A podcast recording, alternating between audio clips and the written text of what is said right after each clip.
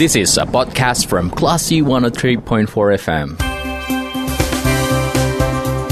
Bicara melawan Corona bersama Classy FM.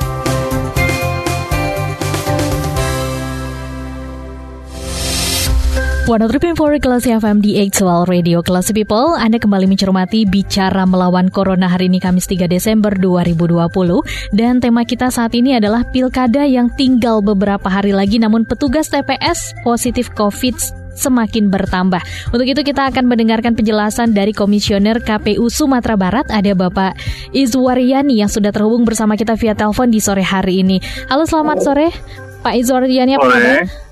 Sore, saya dengan siapa hostnya? Iya, kali ini saya Audio Fendi Pak dan uh, seperti yang kita ketahui beberapa hari petugas uh, pemilih terus dilakukan rapid test. Bagaimana data terakhir sudah berapa jumlah uh, dari petugas pemilih yang uh, positif COVID-19? Uh, pelaksanaan ini pelaksanaan tes kesehatan penyelenggara kita KPPS khususnya itu dilaksanakan pertama dengan rapid terlebih dahulu dan yang reaktif uh, di rapid kita lanjutkan dengan swab. Maka hasil laporan terakhir kita pada hari ini uh, uh, ada 23 orang yang uh, uh, tercatat positif hasil uh, pos, hasilnya positif COVID uh, dan itu tersebar di uh, masing-masing TPS nggak ada yang menumpuk. Mm-hmm. Jadi dengan demikian uh, kita kebijakannya cukup menonaktifkan saja sampai yang bersangkutan uh, tes swab kembali lalu uh, hasilnya negatif. Kalau sudah negatif kita uh, gabungkan kembali kerja. Oke, uh, Bapak kita boleh tahu berapa jumlah dari petugas KPPS yang terdaftar di Sumatera Barat?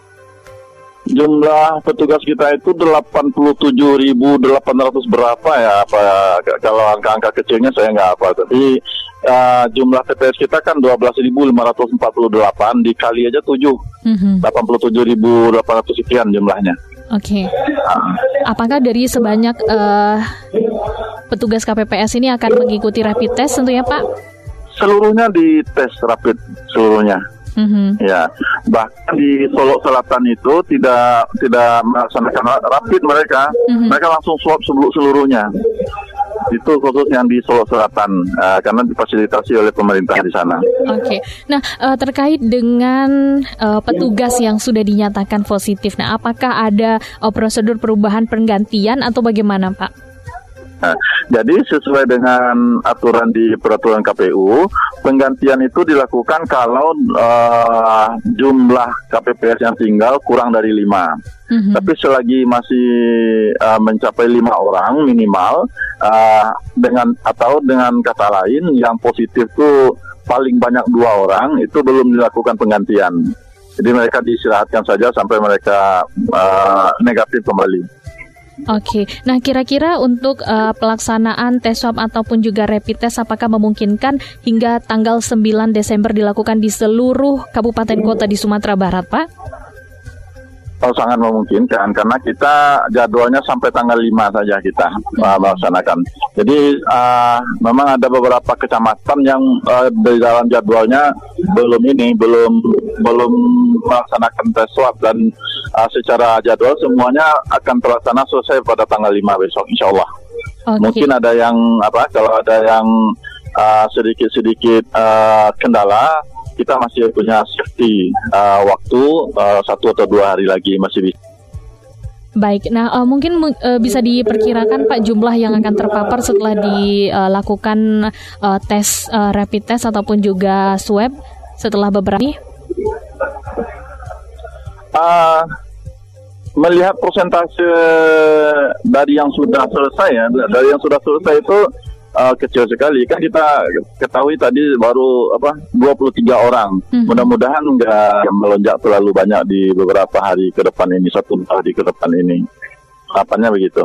Oke, baik. Kita juga berharap uh, tidak ada penambahan ataupun juga penggantian serta perekrutan baru anggota KPPS karena itu akan membutuhkan uh, waktu yang lebih lama lagi begitu ya, Pak. Iya betul betul. Nah, uh, saya ingin, demikian. Uh, baik, saya ingin bertanya untuk uh, petugas KPPS nantinya Pak, apakah ada upaya uh, melakukan mitigasi terkait dengan kesehatan baik itu dari petugas ataupun uh, juga pemilih, terutama pemilih lansia ataupun juga pemilih yang memiliki komorbid ketika melakukan uh, pemilihan di TPS tanggal 9 Desember nanti Pak?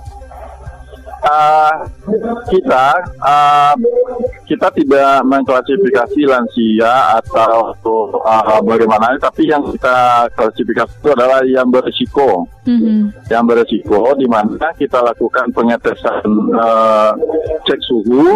Kalau suhunya di atas 37,3 derajat Celcius itu kita anggap berisiko dan itu tidak dibolehkan masuk ke dalam TPS termasuk juga pemilih yang datang ke TPS uh, dalam keadaan batuk-batuk atau bersin-bersin.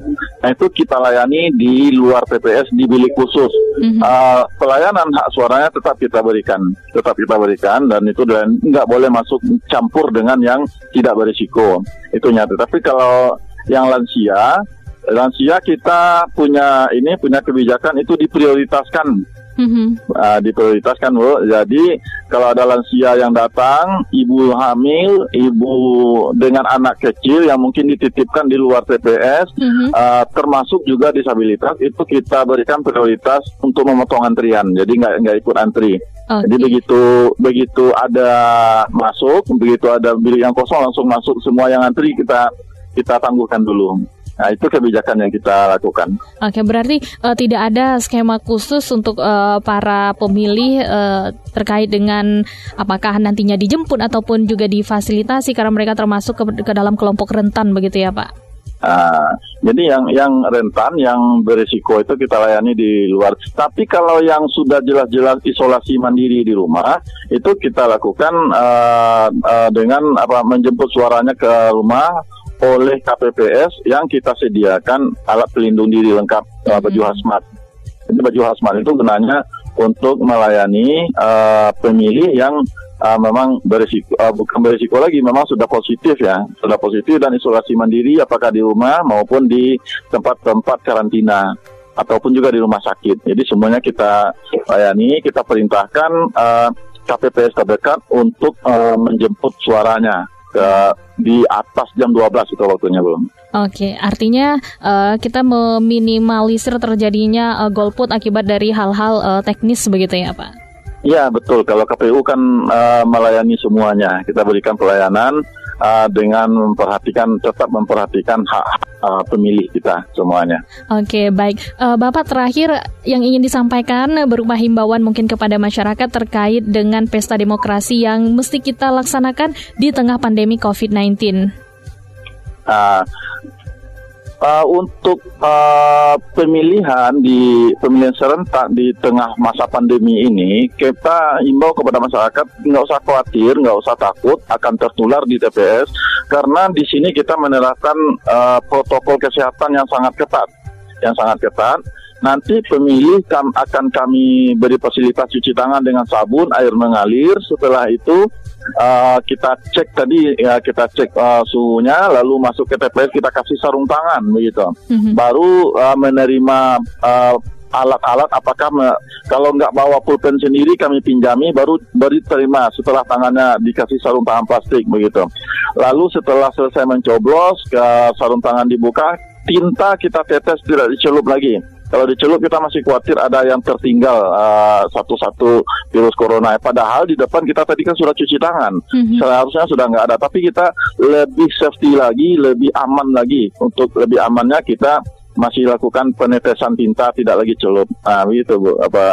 Jadi insya Allah aman di TPS. Uh, gugus tugas juga sudah merekomendasikan nggak ada masalah untuk apa uh, untuk penularan COVID di TPS. Yang kita khawatirkan justru di luar TPS. Maka kita sarankan kepada masyarakat uh, selesai memilih jangan berkumpul-kumpul, jangan ngobrol langsung pulang saja. Karena ngumpul-ngumpul di warung atau di sekitar TPS itu ini yang kita khawatirkan uh, masyarakat tidak jaga jarak, tidak pakai masker lagi di luar. Nah ini yang kita khawatirkan. Jadi oleh karena itu begitu selesai pulang saja dan tunggu saja hasilnya di rumah masing-masing melalui sirekap kita.